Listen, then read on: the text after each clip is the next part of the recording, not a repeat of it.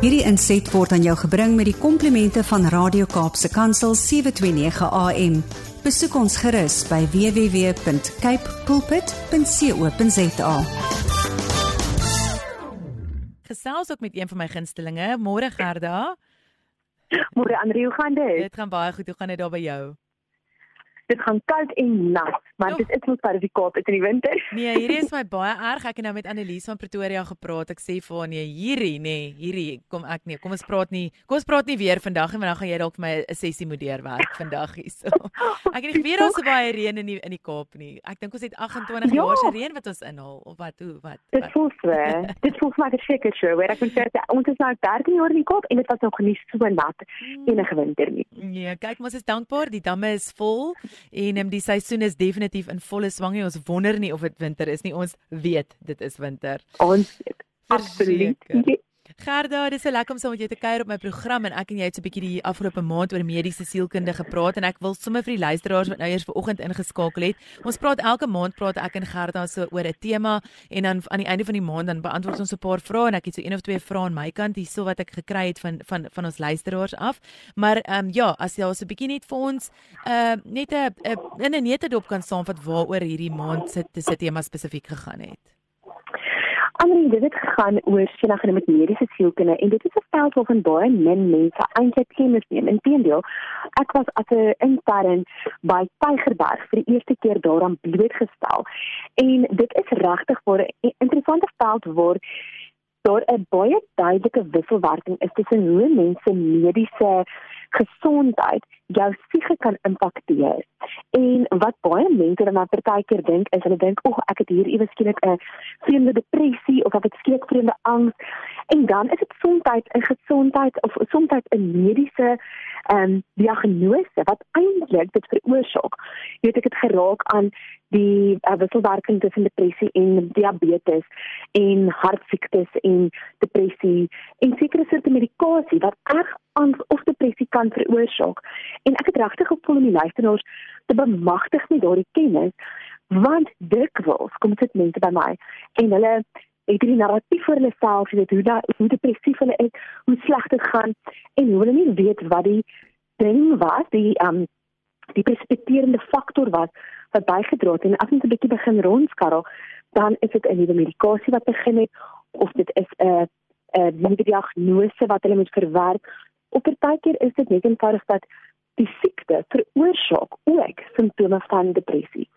So ek het gevoel ons luisteraars moet bemagtig wees. Ek weet ons leef in 'n tyd waar baie mense leefstylsiektes het en ek wil regtig ons luisteraars moet hoor dat soms eintlik maar altyd moet jy ook na jou mediese gesondheid laat kyk wanneer jy 'n sielkundige of 'n psigiater vir die eerste keer gaan sien vir jou depressie of jou angs.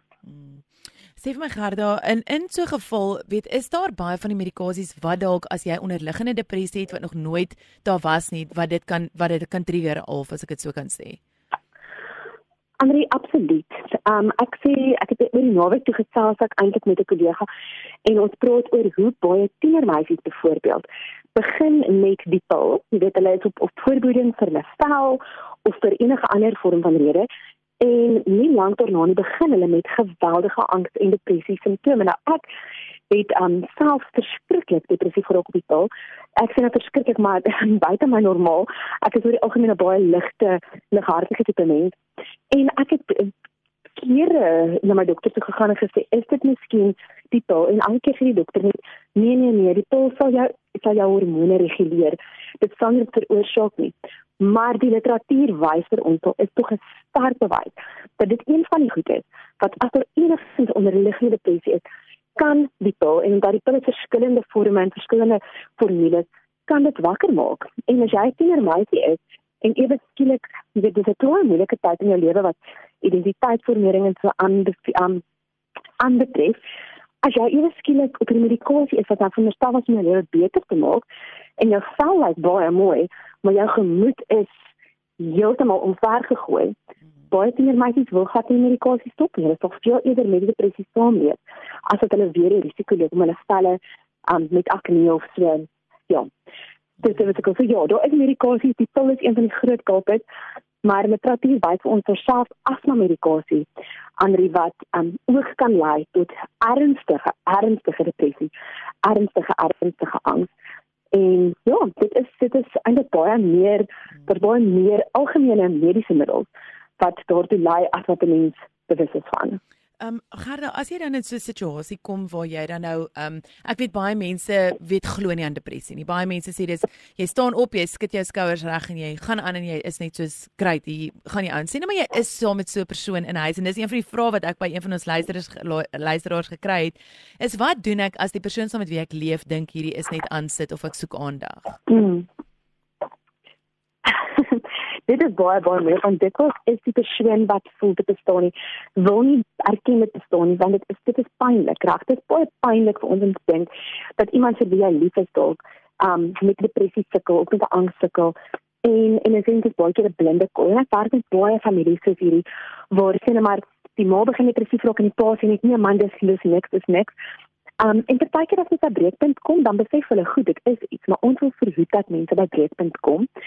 So die belangrikste ding is om deur te druk en ek wil vir ons luisteraars sê dat enige iemand kan toegang kry tot mediese ondersteuning vir depressie selfs deur die staat. As jy ouer as die ouderdom van 12 is mag jy self jou jou jou behandeling gaan aanvra. Jy het nie die toestemming van enigiemand nodig nie. En ek dink dit is waar ons as luisteraars um in Engels sê we have to be our own advocates. Ons moet ons moet ons eie gesondheid eers stel en partykeer moet ons vir die mense om ons sê weet jy wat? Hierdie is wat my ervaring is en ek gaan veg vir die reg om behandeling te kry. Ek gaan opstaan vir my reg om um, beter behandel te word want ek wil beter voel en ek ek wil ek wil net beter gaan. Mm. so mense moet partykeer vir my net jou eie stem gebruik in so 'n geval Karen vra, ehm um, hierdie is seker 'n simpel vraag Karen, ek glo hier's glad nie simpel vra op op enige program of veral nie vir Gerda nie. Maar ehm um, kan mens op bloedtoetse sien, weet as jy nou moet gaan vir daai vir die toetse, weet as jy met 'n mediese jy nou nou gesê weet as jy met 'n sielkundige gaan praat of 'n psigiater maak seker jou mediese deel is reg. Kan mens met bloedtoetse dit optel dat dit dalk 'n medikasie kan wees? Ongelukkig is psigiatrie een van die gevalle waar 'n mens nie noodwendig die wanbalans van depressie of so veroorsaak kan optel en is nie wat dit werk met neurooordragstowwe. Met ander woorde, chemikalieë wat deur ons brein en ons senuweestelsel versprei word en nie in bloed nie. Maar daar is sekere goed wat ons altyd voor moet kyk wanneer ons depressief of angstig is en dit kan jy in bloedtoetse optel. Die eerste een en ek hoop ons luisteraars hou sê naby dit is baie belangrik, jy moet na jou eistervlakke kyk. Jy moet na jou skildklier se funksionering kyk. Jy wil kyk na jou skildklier se spesifieke hormoon en jy wil ook kyk na die hormoon wat in jou brein jou skildklier aktiveer. So jy wil kyk na jou TSH, jy wil kyk na jou um tiroksien vlakke want beide daai kan ook moontlike depressie of angs veroorsaak. En ek het verduidelik hoe die een um as jy 'n hiperaktiewe skildklier het, kan jy baie angstig voel. As jy 'n onderaktiewe skildklier het, kan jy baie depressief voel. So daar is die vlakke, die een deel van die vlakke. Dan moet jy kyk na jou Vitamiene B vlakke en jou Vitamiene D vlakke en ook jou magnesium. En as dit selfs net aan die lae kant van normaal is, want onthou ja, bloedtoetse is is gestandaardiseer, maar selfs is dit net effens aan die lae kant van normaal, kan ons luisteraars nog steeds vir vir 'n kort tydperk op 'n aanvulling te gaan kyk of hulle nie beter voel op 'n vitamine of mineraal aanvulling wat dan nou daardie onder ehm um, onderbeseerde vlakke in jou bloed kan aan aanspreek en kan beter voel. Mm. Sjoe Gerda, hierdie is baie baie waardevol en ek wil vir jou dankie sê vir die inligting wat jy het. Jy kan ook op ons um, potgooi gaan luister van op weet as jy op ons app gaan of dan nou ook waar weet waar jy die streaming kan, gedoen het, kan jy dan nou luister na al die gesprekke wat Gerda met ons gepraat het in Julie maand oor mediese sielkunde. En dit is regtig vir my interessant om hierdie goeders te luister en ek het elke week op die punt van my stoel gesit om te luister wat het jy als te sê. En nou Gerda, dankie vir jou werk. Jy's 'n kliniese sielkundige in Somerset Wes en En as jy met Gerda wil kontak maak, kan jy haar kontak op e-pos by gerda gerdakriel.psychology@gmail.com of jy kan dan op die webtuiste www.helderbergpsychology.com ook gaan kyk en jy gaan Gerda se kontakdetails daar kry. En dit is my so lekker om elke maand met jou te praat. Vroue maand kom op en um, ek sien uit om te hoor waar ons gesels in Augustus.